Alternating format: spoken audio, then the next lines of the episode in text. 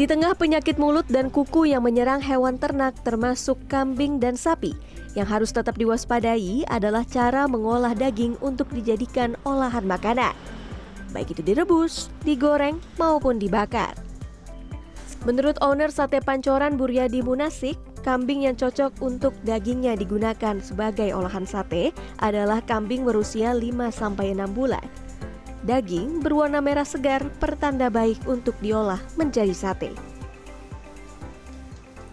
Uh, kambing itu belum bau, baunya tidak bau ini karena dari kambing yang baik itu sangat terpengaruh juga cara memotong kambing.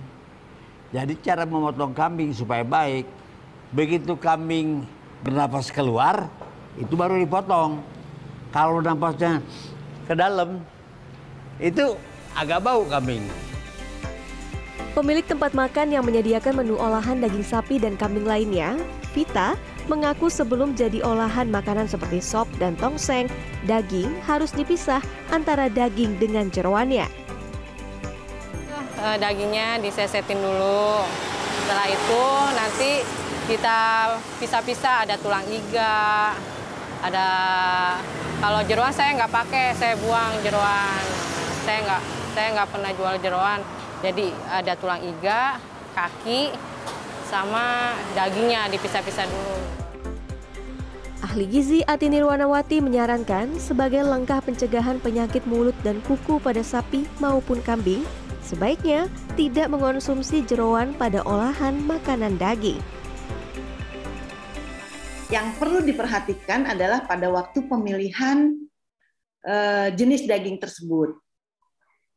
Karena saya menganjurkan untuk memilih uh, daging tersebut yang sehat ya dan tidak merekomendasi untuk mengkonsumsi jeroan sementara ini. Ini dia ada tongseng dan juga sop kambing. Memang yang harus diperhatikan ketika kita makan makanan olahan daging sapi maupun kambing, yang pertama jangan cari yang jeroan. Karena selain jeroan ini bisa menyebabkan kolesterol yang cukup tinggi, dikhawatirkan penyakit mulut dan kuku yang ada pada hewan ternak, ini bersarangnya di jeroan. Selain itu kalau bisa dan disarankan juga memang makan makanan olahan daging ini yang direbus aja. Rebusannya juga paling baik antara 20 hingga 30 menit biar gizinya nggak hilang. Dan yang terakhir, sebelum makan cuci tangan dulu biar bersih. Tim Liputan CNN Indonesia.